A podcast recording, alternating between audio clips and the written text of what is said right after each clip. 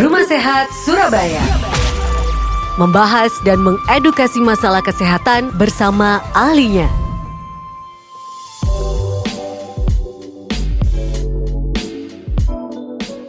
96 FM Merkuri, sahabat dan sudah waktunya kita masuk di uh, Rumah Sehat Surabaya, sahabat ya, yang memberikan kita edukasi, informasi seputar kesehatan yang tentunya sangat kita butuhkan untuk bisa kita lebih aware lagi dengan kesehatan kita ataupun juga kesehatan orang-orang yang uh, kita sayang, sahabat, yang ada di sekitar kita.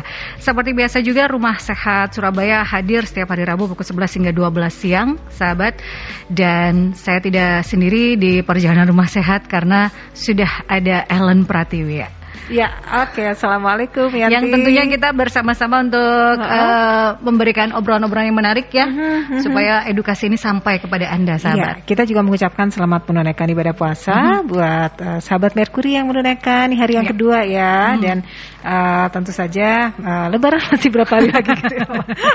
Nanti kalau udah deket-deket baru. Gak puasa baru ya. dua hari oh, ya. Iya, maksudnya nggak kerasa ya Lebaran tinggal 28 ya, ya. hari lagi gitu kan, udah lama banget. Baik, terima kasih anda masih bersama uh, Rumah Set Surabaya hmm. uh, satu program kerjasama Ikatan Dokter Indonesia cabang Surabaya bekerja sama dengan Radio Mercury.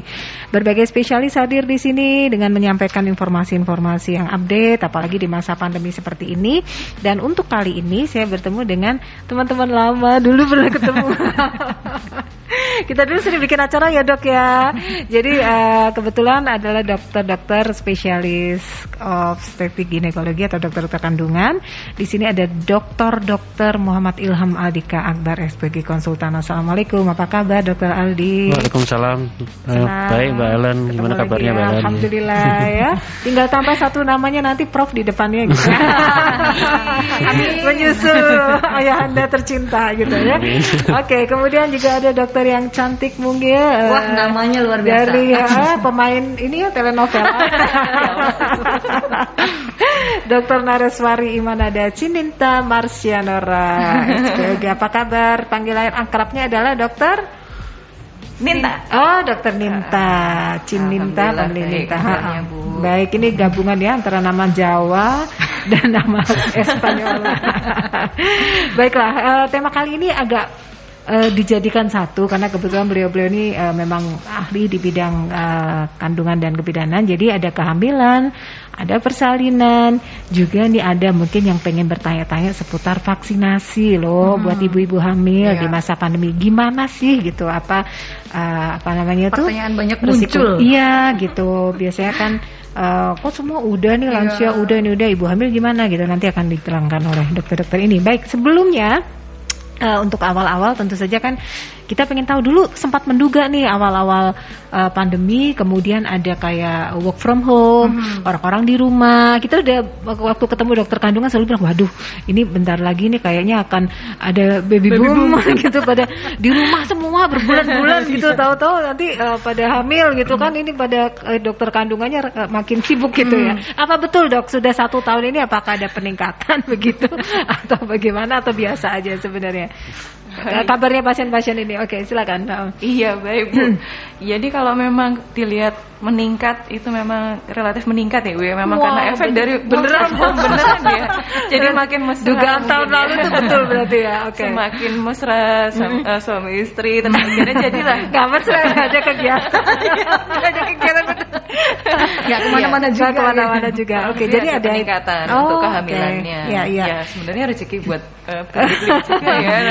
Rezeki banyak orang ya. Banyak membantu gitu ya. Hmm. Dan itu tapi kontrol-kontrol udah pada berani kan datang ke rumah sakit gitu? Ya, cuma memang harus ada penyesuaian sih Bu. Oh. Karena memang kalau dulu kita punya aturan minimal eh, empat uh, kali pertemuan, mungkin udah sesuai trimesternya ya Bu. Mm -hmm. Yang trimester satu misalnya empat mingguan, trimester dua dua minggu, trimester tiga satu kali seminggu sampai dengan waktunya persalinan sampai hmm. dengan setelah persalinan. Cuma karena sekarang ada uh, virus ini ada pandemi ini, mm -hmm. jadi harus lebih efektif. Kita harus lebih membatasi untuk pertemuannya. Mm-hmm. Ini juga untuk kesehatan lebih untuk kesehatan ibu dan bayinya juga mm-hmm. sih. Mm-hmm.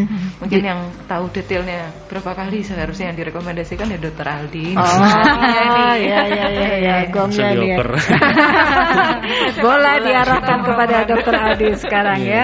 Pripun dok, gimana uh, gimana sekarang ini dok?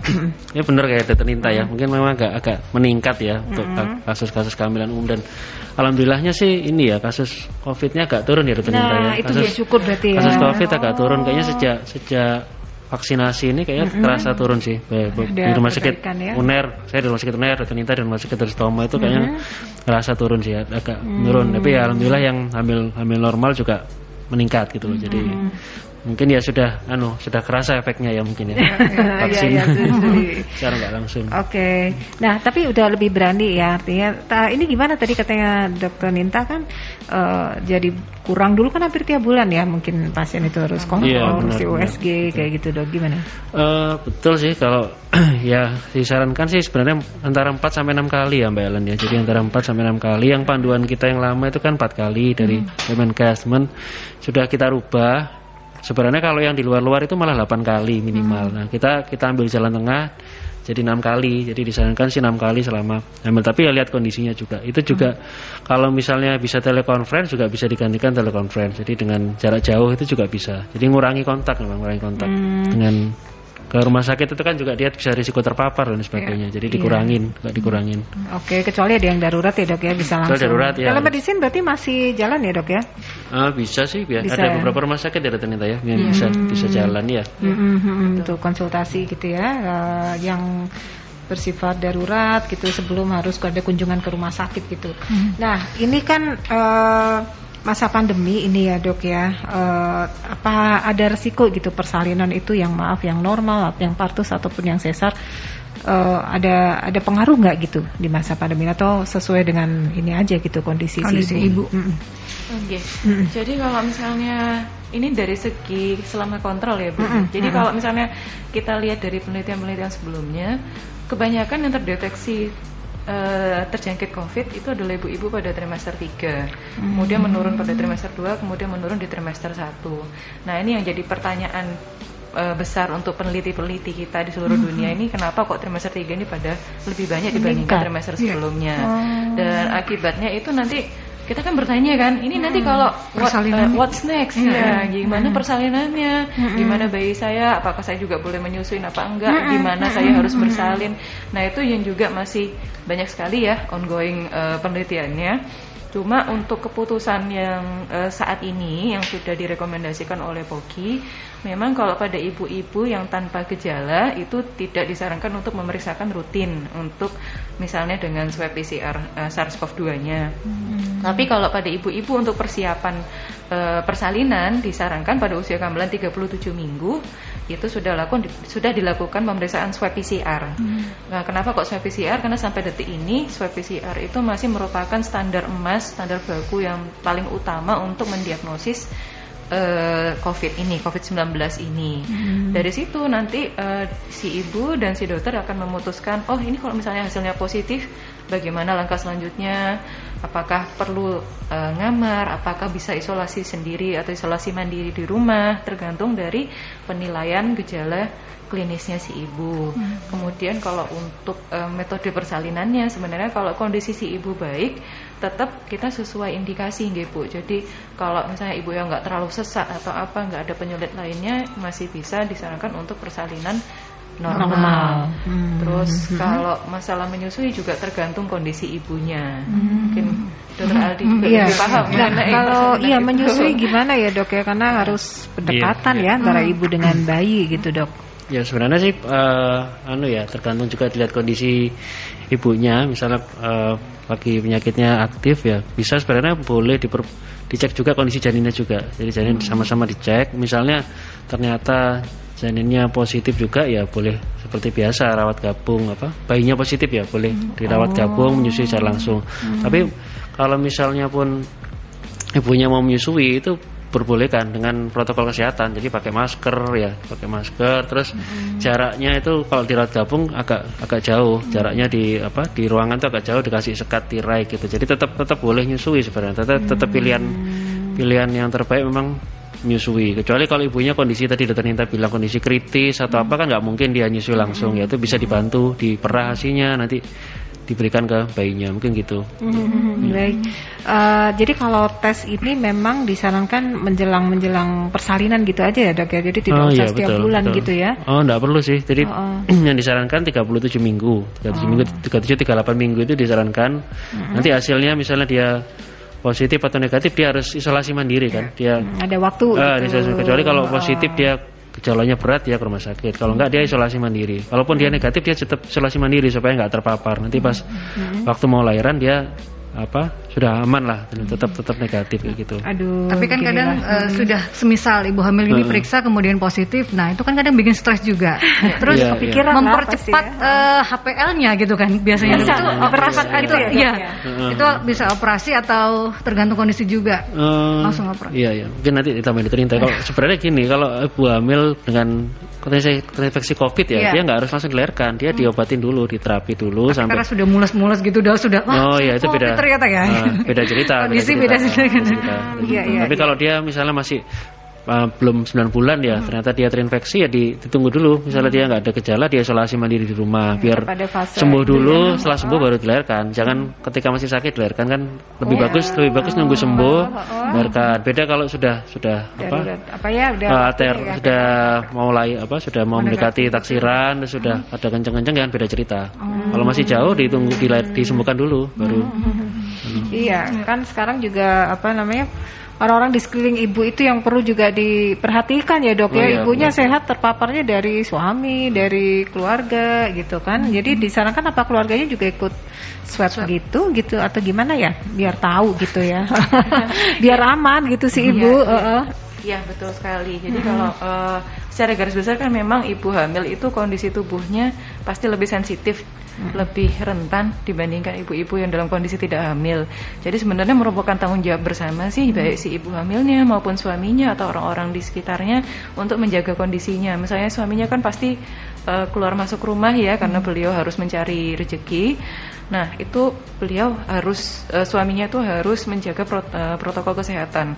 Misalkan kalau beliau berangkat itu uh, di tempat kerjanya memang menggunakan masker, tidak makan bersama-sama dengan rekan kerja kantornya, mungkin lebih baik membawa bekal dari rumah ya. Mm-hmm. Selain itu lebih higienis, lebih aman juga hemat ya Bu ya. Mm-hmm. itu penghematan banget itu. Ah, ah. Terus yang kedua ketika pulang ke rumah sebelum bertemu dengan istrinya yang notabene adalah Ibu uh, rentan ya, mm-hmm. individu yang rentan, beliau mungkin ya mandi dulu ya, mandinya tuh yang memang harus semua mulai mandi seluruh apa namanya sabun untuk badannya keramas Rambutnya. kemudian hmm. juga ganti baju yang memang khusus untuk di rumah jadi hmm. baju yang setelah beliau pakai di luar itu tidak boleh uh, dipaparkan kepada istrinya maupun hmm. anak-anaknya yang masih rentan hmm. seperti itu jadi oh, ini edukasinya oh, juga double-double nih ya. sekarang ya edukasi keluarganya dan juga iya. si ibu gitu ya hmm. ya tapi uh, apa namanya untuk kondisinya yang sekarang yang terpapar COVID sudah hampir menurun ya dok ya?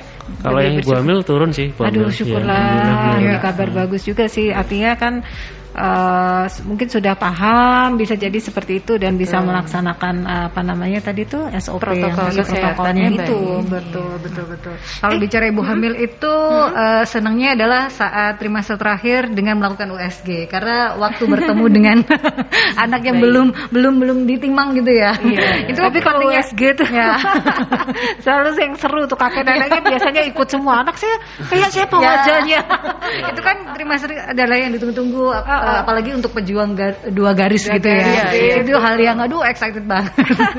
itu gimana dok tentang uh, USG pemeriksaan kan sangat pentingkah untuk dilakukan? Uh, kalau nggak dilakukan, kenapa gitu hmm, dok? Apa iya. bahasa oh, iya, resikonya? sama aja ya Dr. Ninta ya. USG hmm. pada saat COVID nggak COVID sama aja ya harus hmm. dilakukan. Kalau oh, bisa terus ya. tiap trimester minimal sekali kalau hmm. bisa sekali hmm. tiap trimester. Jadi untuk mengemantau kondisi janin kita kan uh -uh uh, dengan USG itu kan kita bisa ibaratnya melihat langsung ya ke dalam hmm. perut ibu itu yeah. ada hmm. kondisi janinnya gimana, kondisi air ketuban gimana, kondisi hari-harinya gimana, semua bisa kita pantau. Jadi ya memang harus tetap harus dikerjakan Mbak Ellen. Cuman hmm. bedanya mungkin kalau lagi pandemi gini nggak boleh banyak-banyak yang datang. Yang hmm. yang nemenin nggak boleh banyak-banyak. Oh, Biasanya iya. kakek Iya, iya itu kan. boleh. Eh kayak saya wajahnya. Padahal kata dokter uh, kandungannya biasa aja wajahnya sama semua. Hidungnya kayak bapaknya gitu. Mana lihatnya gitu. ya, artinya kalau masyarakat kan taunya uh, awam gitu uh, USG itu ya itu tadi lihat Untuk jenis kelamin, ya. jadi wajah padahal USG itu pentingnya kalau buat dokter kandungan sendiri itu apa sih, Dok? Nah, ini deketin tali. Ayo. Ya. Kalau USG. Padahal udah tahu ya ngajarin saya. Baik. Ini, ini jadi eh, memang eh, untuk pemeriksaan yang terkait selama COVID ini kan tadi disarankan eh, dikatakan oleh Dokter Adi paling enggak eh, enam kali ya yang direkomendasikan 4 sampai 6 kali. Jadi poin-poin pentingnya itu pada misalnya pada usia kehamilan 12 minggu. 12 minggu itu eh jadi kan misalnya sebelumnya dok saya positif hamil. Ya udah nggak apa-apa. Telepon telemedicine bisa misalnya dengan ibu ada keluhan misalnya mual muntah atau apa. Nggak ada. Oh ya nggak apa-apa. Nanti kontrol lagi pas 12 minggu itu memang tatap muka pertama. Tatap muka pertama pada usia kehamilan 12 minggu itu sangat informatif sekali untuk ibu dan kita juga yang memeriksa. Jadi pertama kita ngelihat eh, dari klinis ibunya ada keluhan apa tidak? Biasanya kan 12 minggu ada mual muntah kita mengetahui menilai oh ini harus ngamar mau karena nggak bisa makan sama sekali atau bisa eh, dirawat di rumah dengan obat-obatan dan modifikasi cara makannya.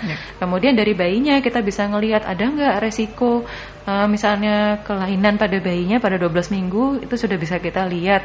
Terutama kalau yang terkait dengan kelainan kromosom misalnya trisomi atau misalnya kayak sindroma Down eh, 13 18 12 ya Down syndrome Edward Patau itu bisa dilihat pada usia kehamilan 12 minggu. Terus nextnya pada eh, juga resiko untuk terjadinya preeklamsia itu juga bisa kita lihat pada usia kehamilan 12 minggu.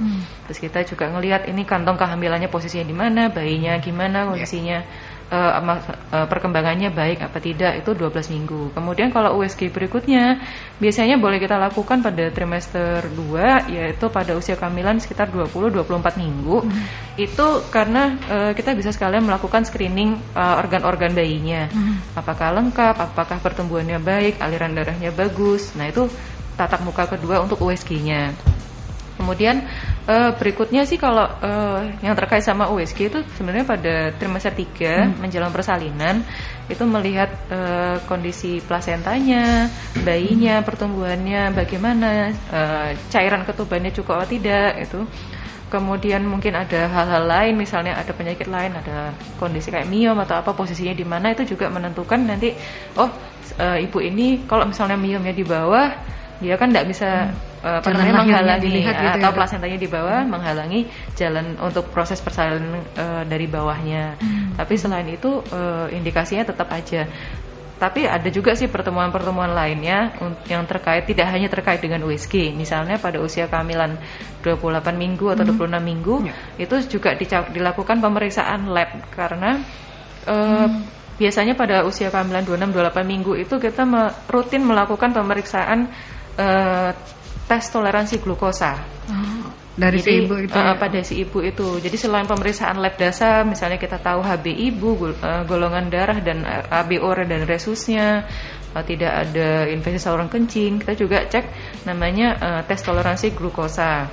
Karena pada ibu-ibu tidak jarang juga terjadi diabetes pada kehamilan yang tidak muncul pada kondisi tidak hamil. Jadi kalau yang terkait USG paling enggak 3 sampai 4 kali, tapi yang totalnya yang tidak hanya USG saja tapi juga melihat laboratoriumnya dan sebagainya eh, lain-lainnya itu adalah sekitar enam kali itu termasuk eh, persiapan sebelum melahirkan sama cek setelah persalinannya. Itu yang direkomendasikan. Nah, ini ya panjang gitu kalau Iya, dokter iya, panjang. itu detail karena kok Iya. enggak maksudnya Enggak, memang- ini yang benar gitu kan kalau awam ini Jadi enam itu US gitu adalah- asal pokok lihat Ya. aja aja gitu. Padahal pemeriksaan-pemeriksaan dibutuhkan di tiap trimester. Kenapa enam kali pertemuan Iya, dibutuhkan ya? Tadi sudah dijelaskan oleh dokter. Ini yang benar gitu ya. Jadi tidak sekedar eh, reunian sama dokternya gitu. Pokoknya pengen dapat fotonya anaknya di print ya, di print ya. Iya. gitu. Padahal pemeriksaan-pemeriksaan detail itu dibutuhkan juga ya. untuk proses lahiran supaya lancar ya ibu-ibu hamil. Ya, gitu. ini. Nah, uh, kita juga ngundang ini uh, ya untuk sahabat-sahabat berku untuk bisa bergabung sebelum kita ke jeda iklan, Anda bisa bergabung bertanya di line telepon di 562 atau di WhatsApp call dan WhatsApp Messenger di 08173096. Karena perbincangan kita masih panjang, tetap saya tune di 96 FM Mercury karena kita akan ke jeda iklan terlebih dahulu. Tetap saya tune di Rumah Sehat Surabaya. Rumah Sehat Surabaya akan kembali setelah yang satu ini.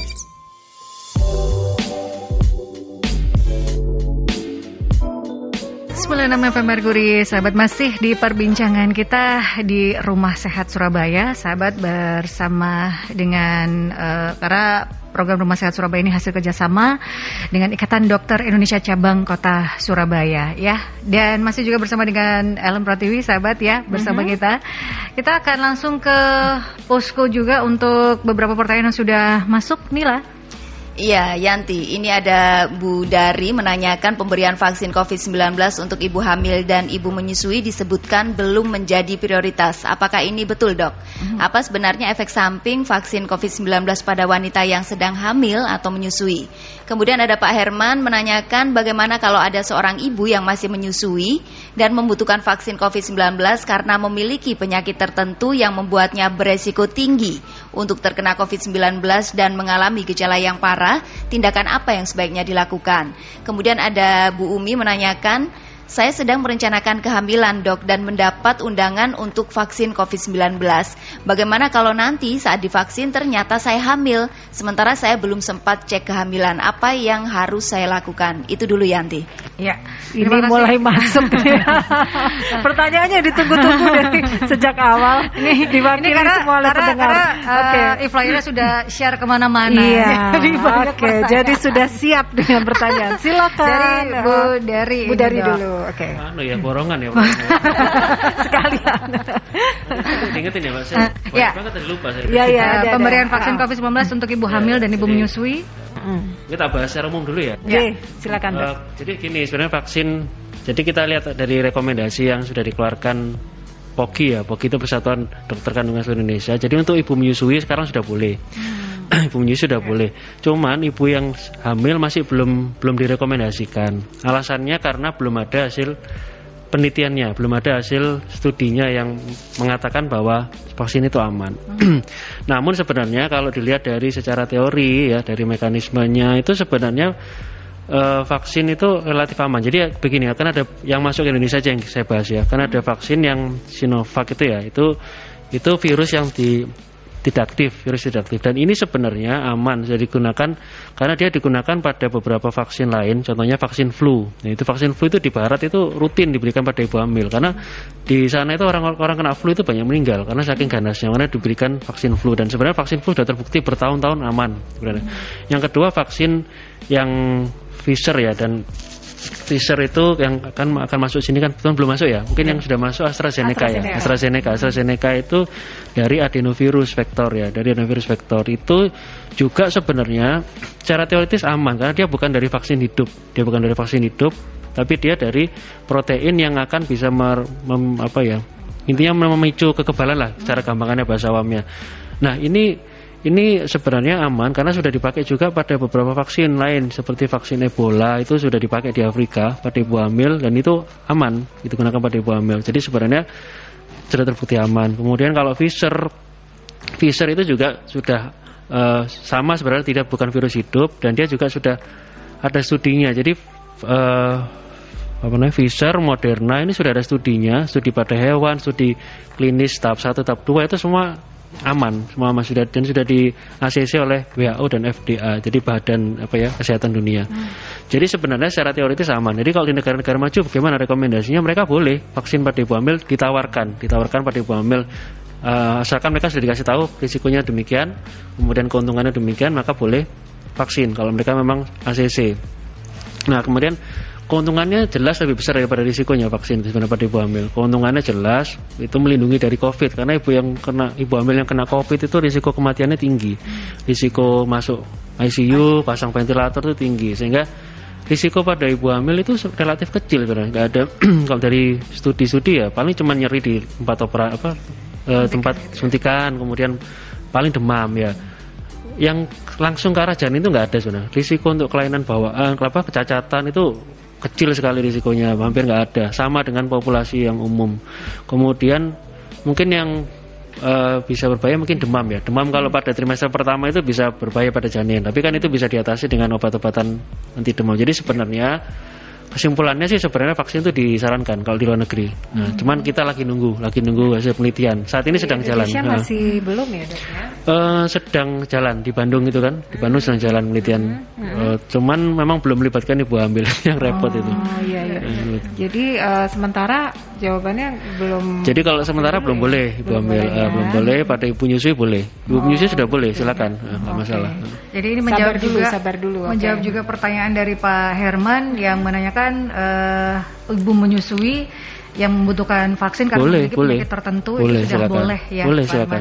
Kemudian Bu Umi, eh, Bu Umi ini sedang merencanakan kehamilan dan mendapat undangan untuk vaksin COVID-19. Bagaimana kalau nanti saat divaksin ternyata hamil sementara Bu Umi ini belum sempat Iya. cek kehamilan? Apa Jadi kalau memang seperti itu ya idealnya sih ditunda dulu perencanaan hamilnya, apa program hamilnya ditunda dulu, selesaikan vaksinnya dulu, nanti dua tiga bulan setelah vaksin yang kedua silakan program hamil gitu. Jadi kalau mau safe ya. Berhati-hati. Soalnya nanti kalau kalau lagi program ya, lagi program divaksin, Iya. jadi ternyata dia ketahuan hamil dia nggak boleh yang vaksin yang kedua, ditolak berarti, nanti. berarti. Oh. Ditolak kan, jadi kan Iya. percuma gitu loh. Padahal yang kedua tuh boosternya ya dok ya. Heeh, jadi nanti dia cuma dapat sekali percuma kan. Jadi mending ditunda dulu program hamilnya. Paling Iya, tidak iya. dua bulan lah ya, ya dok ya, dua sampai bulan setelah setelah yang kedua loh ya. Setelah kedua vaksin baru bisa direncanakan lagi gitu. Ya itu Bu Umi. Kemudian saya masih eh, ke posko lagi untuk tambahan informasi yang sepertinya sudah akan ada ini. Ada lagi ya? Oke. Inilah. Iya. Yanti Ibu Teresia menanyakan bagaimana dok? Apakah baby boom benar-benar terasa lonjakannya? Kemudian satu lagi normalnya satu setengah tahun sampai dua tahun menyusui. Dan anak saya sudah usia dua setengah tahun tapi masih suka asi juga. Bisakah saya mendapatkan vaksin dok? Kemudian Bu Emi menanyakan Sebelum program hamil kayaknya lebih baik dapat vaksin dulu Benar nggak sih dok supaya tidak was-was juga pas hamil nanti Kemudian eh, tapi vaksin yang ada sekarang ini di Indonesia bisa nggak untuk ibu hamil atau menyusui? Ya. Ya. Ini eh, terima kasih untuk sahabat-sahabat migran yang sudah bergabung, Bu Teresa. eh, sebenarnya sudah terjawab eh, yang Di pertanyaan awal kedua ya, pertanyaan kedua. Tapi pertanyaan pertama gimana dok? Baby boom benar-benar terasa nggak lonjakannya? Iya. Terasa bergetar. bergetar efeknya gitu. Jadi kalau memang eh, saya cuma bisa bicara data di rumah sakit saya, rumah sakit Dr. Stomo, eh, karena eh, untuk rumah sakit UNER mungkin saya nggak bisa ngomong ya karena eh, datanya kan ada yang tahu Dr. Aldi. Jadi kalau di Stomo sendiri pada saat awal-awal pandemi efek dari WFH itu mungkin angka per- eh, kehamilan sendiri itu bisa naik sampai sekitar 40% kurang lebih. Lumayan ya. Lumayan banyak. Iya. Lumayan ya, Dok. Cuma yang disayangkan memang pada awal-awal karena memang masih pengetahuannya masih kurang Ya. untuk prokes dan semuanya itu eh, angka kejadian COVID-nya juga cukup tinggi. Pada yang terutama tadi saya bilang ya trimester 3 itu bahkan sampai sekitar eh, 25% itu eh, ter- eh, ibu Terpapar hamil pada trimester 3 itu eh, terkena COVID-19 itu. Hmm, data yang dari Sutomo sendiri itu kurang lebih sampai eh, sampai pada bulan April awal ini eh, ada sekitar 160 ibu hamil dari sejak tahun eh, Maret ya Maret kemarin. Jadi kurang lebih satu tahun lebih ya. Ada 160 kasus ibu dengan confirm yang sudah confirm ya. Kalau totalnya sih yang yang yang terdiagnosis dengan suspek probable yang kan ada macam-macam ya Ya. dulu kriterianya itu kan itu mungkin sudah sampai sekitar 400-an ya yang dikirim dengan kecurigaan baik dari klinisnya atau mungkin dari hasil pemeriksaan eh, eh, rapid antibodinya. Tapi kalau yang confirm itu ada 160.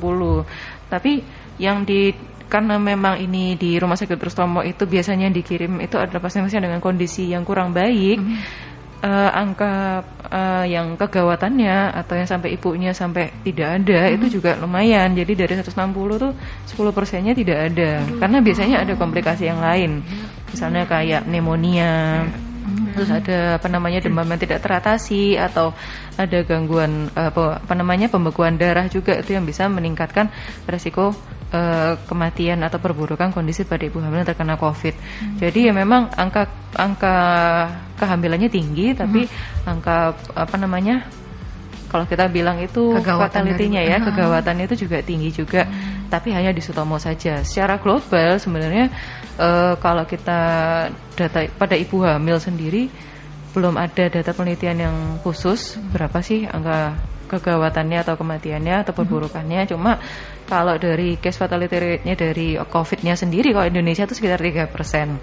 Nah, itu ngefek ya. Tapi memang betul kata Dokter Aldi, sejak tahun 2021 ini ya. angka positifnya itu menurun. Alhamdulillah mungkin ya uh, pertama itu ya perang kita terhadap COVID ini adalah prokes ya, ya protokol ya. kesehatan yang benar-benar signifikan. Kedua itu ya baru kita uh, usaha selanjutnya adalah dengan menjalankan vaksinasi sebelum merencanakan kehamilan dan juga hmm. untuk keluarga-keluarga hmm. lainnya yang dekat dengan ibu-ibu yang memang hamil itu. Hmm. Selain itu juga itu. libur yang berkurang dok.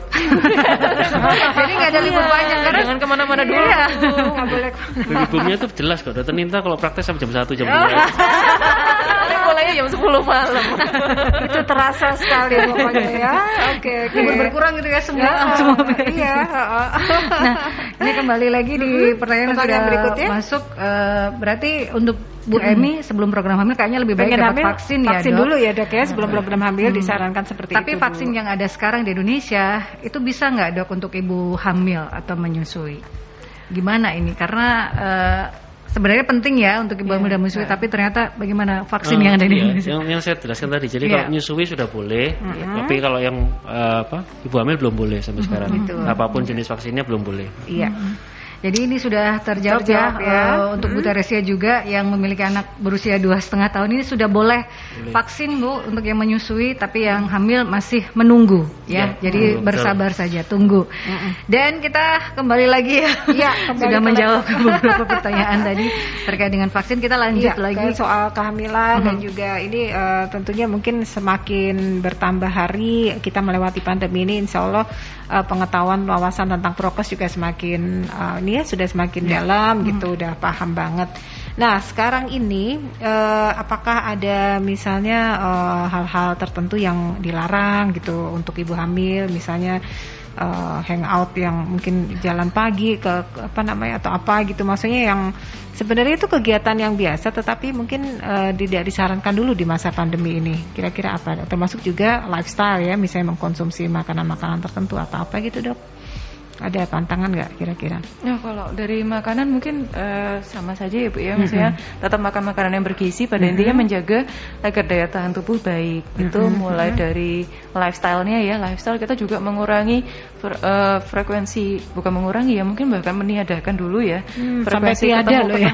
nongkrong-nongkrong, mm -hmm. mungkin yang biasanya kita berkumpul mm -hmm. ya, berkumpul secara tatap muka itu mungkin dikurangi. Mm -hmm tapi uh, bisa kan masih banyak ya alternatif untuk silaturahmi lainnya ya mungkin hmm. video call. Iya, kan ya, biasanya ini mau Ramadan eh lebaran tuh biasanya kan halal, halal bihalal, ya. buka puasa bersama, yang gitu sebaiknya nggak dulu ya dok. Ya, masing bertemu gitu ya. Betul. ya. Karena ada resiko ketika uh -huh. kita berkumpul kan pasti ada cemilan ya, minimal nah, ada cemilan, ada oh, minum, iya, iya. kita ngobrol, -huh. pasti membuka masker sedangkan kita tahu bahwa transmisinya COVID ini berdasarkan uh -huh. droplet. Uh -huh. Nah, kita kan nggak tahu pas uh, banyak yang orang-orang tanpa gejala gejala tapi ternyata sudah ter, uh, mengena, uh, terkena dengan COVID. Hmm. Jadi ketika ia batuk atau apa dan dropletnya keluar, terus sirkulasi ruangannya mungkin tertutup, hmm. nah itu sudah bisa meningkatkan risiko orang-orang yang terkena di sekitarnya. Hmm. Itu terkena untuk uh, virus uh, SARS-CoV-2-nya itu. Jadi itu yang ditiadakan dulu sebenarnya.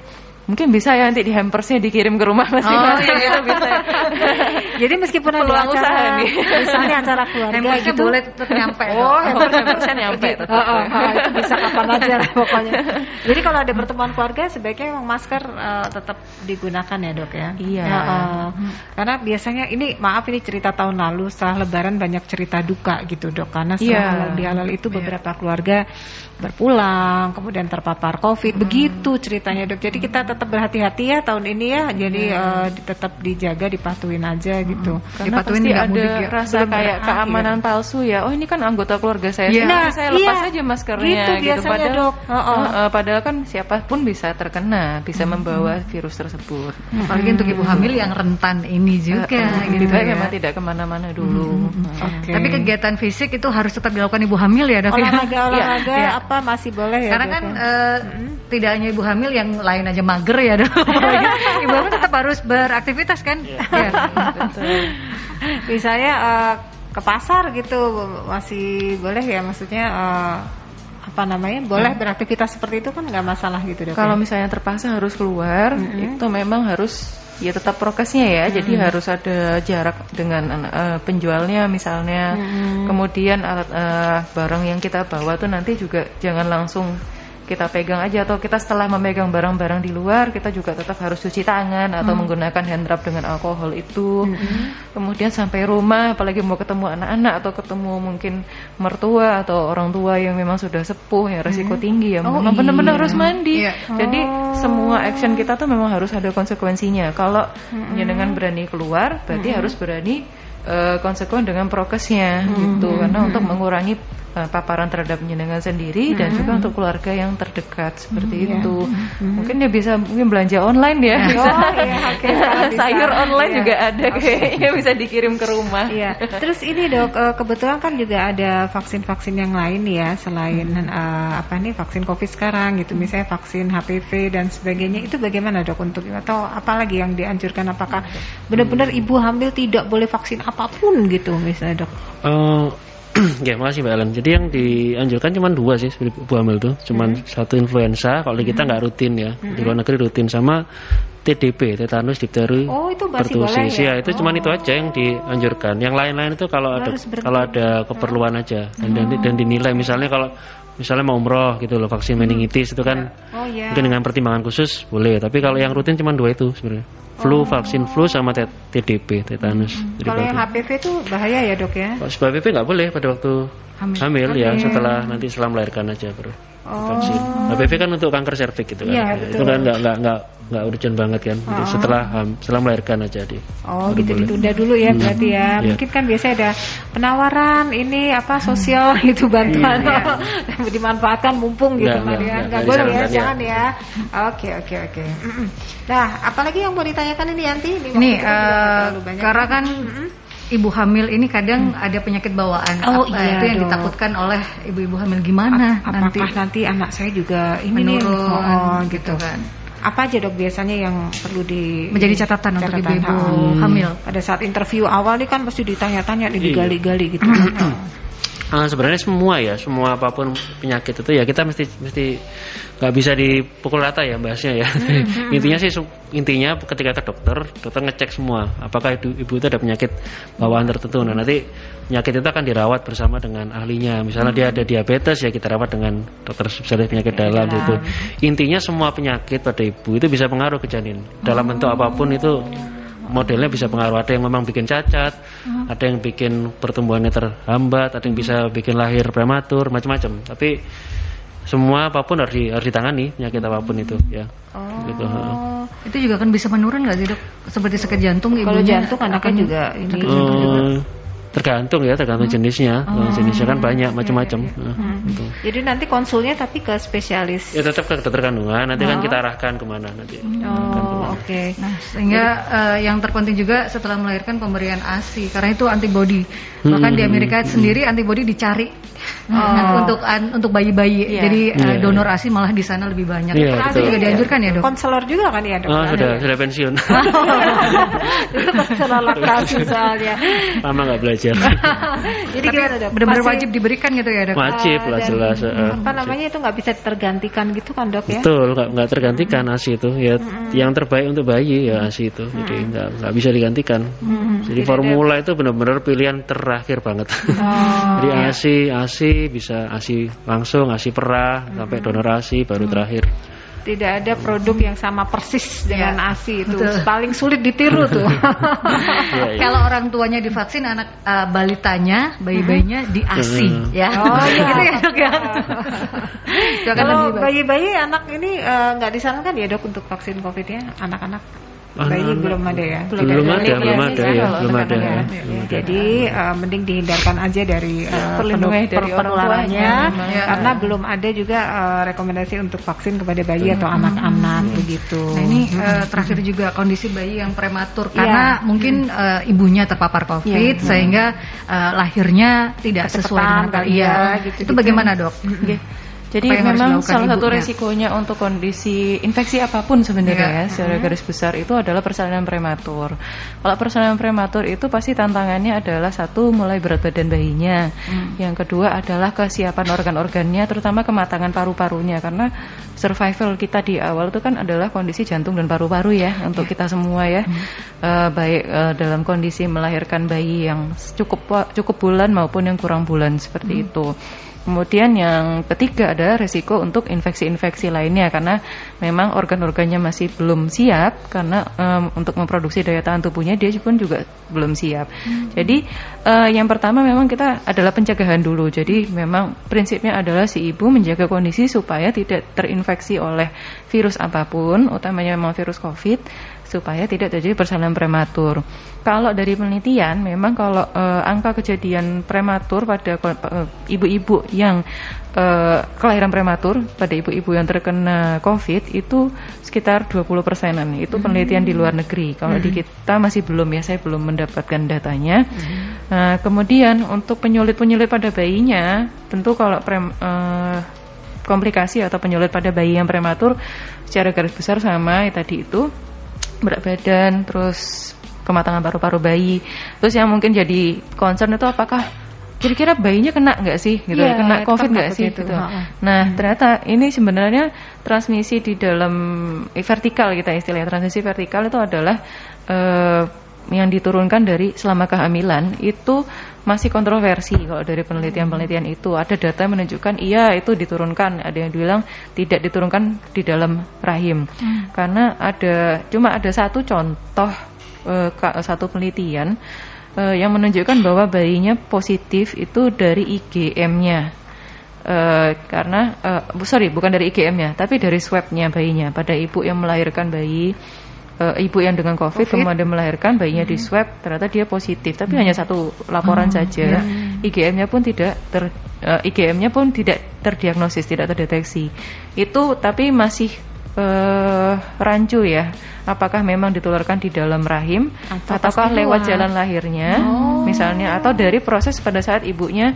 uh, mungkin sedang apa namanya menyusui oh. dan dia tidak menjalankan prokes yang benar sehingga virusnya uh, atau dropletnya itu tertransmisi atau terkena bayinya itu masih, hmm, masih belum bisa ya. disimpulkan ya. apakah ada resiko penurunan dari hmm. ibu ke bayinya. Hmm. Kalau untuk prematuritasnya ya tadi 20% itu. Hmm. Jadi hmm. ya sangat ya sangat-sangat harus hati-hati ya, sih. Ya, sangat-sangat harus iya. hati-hati ibu hamil tuh jangan sampai terinfeksi virus apa pun hmm, apalagi iya, virus Covid. Mantap. Itu. Pokoknya itu dihindari dulu deh ya. Hmm, Oke, okay, iya. supaya tetap kehamilannya aman lancar. Nah, ini sekalian pesan-pesan ya uh, di bulan Ramadan ini ibu hamil berpuasa nih sekalian. Ada tips nggak nih Dokter Aldi sama Dokter Ninta nih? Boleh atau enggak atau hmm, apa? Ada catatan oh, ada catatan apa nih gitu dok? Uh, ya, makasih Mbak Ellen. Jadi sebenarnya boleh, boleh ibu hamil itu boleh puasa ya. Apalagi trimester 2, trimester 3 itu sudah relatif aman. Mungkin hmm. uh, yang penting sebenarnya uh, menjaga ini Mas asupan nutrisi dan apa? airnya jangan hmm. sampai dehidrasi lah intinya. Hmm. Jadi meskipun ibaratnya cuma mempersempit waktu makan ya, tapi yang dimakan sih kalorinya harusnya tetap sama minumnya juga tetap minimal satu setengah liter ya makannya kalau bisa tetap tiga kali ya jadi hmm. buka terus malam mau tidur sahur ya terus hmm. jadi boleh nggak ada masalah ibu hamil berpuasa nggak ada hmm, masalah hmm, kalau dia kuat ya, ya. kecuali kalau ada penyakit atau ada masalah dia nggak kuat ya beda cerita mual mual ya. hmm, secara umum boleh oke okay, selama tidak ada keluhan boleh boleh, boleh, boleh semoga lancar lancar aja ya, ya. yang penting ya. asupannya cukup hmm. jangan berkurang gitu hmm. oke okay. silakan dokter Nita ada pesan-pesan mungkin buat bunda-bunda iya. selain di masa pandemi di bulan Ramadan, bulan Ramadan. mungkin ah, silakan Iya, jadi kalau ibu hamil selama bulan puasa ini sangat diperbolehkan puasa ya. Mm -hmm. uh, terus tadi sama sama dokter Aldi sebenarnya menggeser waktu makan saja. Terus jangan lupa pilihan makanannya juga uh, pilihan makanan yang mungkin tidak terlalu kalau pada sahur itu ya waktu sahur tuh kadang-kadang kita pakai pengen yang manis-manis itu biar hmm. cepat kenyang pengen apa padahal yang manis-manis dari gula terutama dari kemasan yang instan-instan itu ya uh, uh, misal minuman instan atau apa itu gulanya cepat hilang jadi cepat hmm. diproses sehingga akhirnya cepat lapar. Ya. Yang boleh, yang baik tipe gulanya itu adalah gula yang memang alami. Itu bisa didapatkan dari buah-buahan, kurma, madu dan sebagainya itu itu lebih direkomendasikan. Terus eh, makanan-makanan yang berserat tinggi itu juga bisa membantu kenyang lebih lama. Misalnya dengan sayur-sayuran atau dengan apa ya eh, roti-rotian yang tipenya gandum ya. Nah, dari gandum itu eh, seratnya tinggi itu juga bisa mencegah eh, eh, menahan laparnya lebih lama lagi. Jangan lupa minum tetap 2 liter sehari. Uh, ini minum Nah, nih dalam waktu singkat ya. nggak mungkin tapi minggu pagi hari itu minum satu liter langsung ya. Enak pasti ya bu ya. Apalagi Ke kalau bangunnya terus 15 malah. menit sebelum waktu waktu Ah. sahurnya selesai. Wah gimana cara minumnya satu liter jadi eh, sebenarnya triknya adalah gampang. Sebelum sebelum jenengan sahur minum sat- 500 cc dulu setelah sahur 500 cc. Udah dapat satu liter ya sebenarnya ya gitu. Terus sebelum buka, eh, pas buka. Kok sebelum buka ya? Nggak boleh ya pas buka sebelum ini minum lagi 500 cc setelahnya 500 cc. Terus sebelum apa? Sebelum tidur boleh minum lagi. Itu sudah 2 liter lebih jadinya. Iya ya, ah, gitu ya, ah, ya. sebenarnya dehidrasi itu juga jangan lupa. Jangan- itu juga salah satu hal yang berbahaya pada ibu hamil. Nah, Tuh. oke oke. Ah. penting sekali nih ya. Untuk Ya. terawih sebaiknya di rumah ya di masa pandemi ini ya, tidak bertemu dulu. Kalau Iya. emang terlalu ramai gitu ya. Betul. Kalau Menghindari kurang, ah, menghindari ya. Oke. Jadi lebih menjaga ya para ibu hamil, tidak hanya ibu hamilnya juga keluarganya, keluarganya. ikut bersama-sama menjaga betul. gitu keluarganya ya. kalau habis tarawih dari luar ya segera ganti baju lah Ya, gitu ya, untuk masuk ke rumah lagi gitu ya. Oke wow luar biasa Ya, karena satu jam juga tidak terasa. Ya, yang mau hamil silakan. Boleh program Tadi menyusul anak ketiga. Iya, Dan iya. tentunya sahabat eh, Anda boleh untuk vaksin untuk ibu menyusui, ya, Menyusui, untuk ibu hamil ya. sabar dulu karena masih eh, ada penelitian-penelitian lebih lanjut. rekomendasi Ya, aja betul. ya yang lebih aman dari Persatuan Objin seluruh Indonesia gitu. Yang penting untuk ibu hamil dan proses persa- supaya proses persalinannya lebih baik, mulai dari kehamilan Anda harus rajin memeriksakan sesuai dengan anjuran dokter ya. Dan kalau ada keluhan memang harus secepatnya sahabat supaya aman nantinya ya. Ya, oke, terima dan kasih ya waktunya Dokter Aldi dan juga Dokter Ya, sama-sama, Mbak. Linda, ya. Oke, waktunya nanti memberikan tips-tips setelah ini. kita akan take video. Oke, iya, iya. Terima kasih sahabat untuk Anda sudah stay tune dan Anda bisa kembali stay tune di perjalanan Rumah Sehat Surabaya yang hadir setiap hari Rabu pukul 11 hingga 12 siang ya yang menghadirkan para pakar para ahlinya untuk bisa memberikan kita edukasi informasi supaya kita lebih aware dengan kesehatan kita. Dan waktunya saya harus pamit ya, yang jelas harus pamit dan juga Ya, saya uh, Ellen Pratiwi, partnernya Yanti untuk ngobrol-ngobrol soal kesehatan. Terima kasih atas perhatian Anda. Semoga apa yang kita sampaikan di sini bermanfaat dan tentunya kami berharap kita berdoa semuanya masa pandemi ini segera berlalu dan seluruh keluarga Anda akan selalu sehat. Baik. Ya. Dan untuk Anda yang tertinggal ya, sahabat Anda bisa uh, download aplikasi On Ears untuk bisa mendengarkan kembali podcast Rumah Sehat Surabaya. edisi apa pun dari tahun lalu ya. Oke, baiklah. Selamat siang semuanya. Assalamualaikum warahmatullahi wabarakatuh.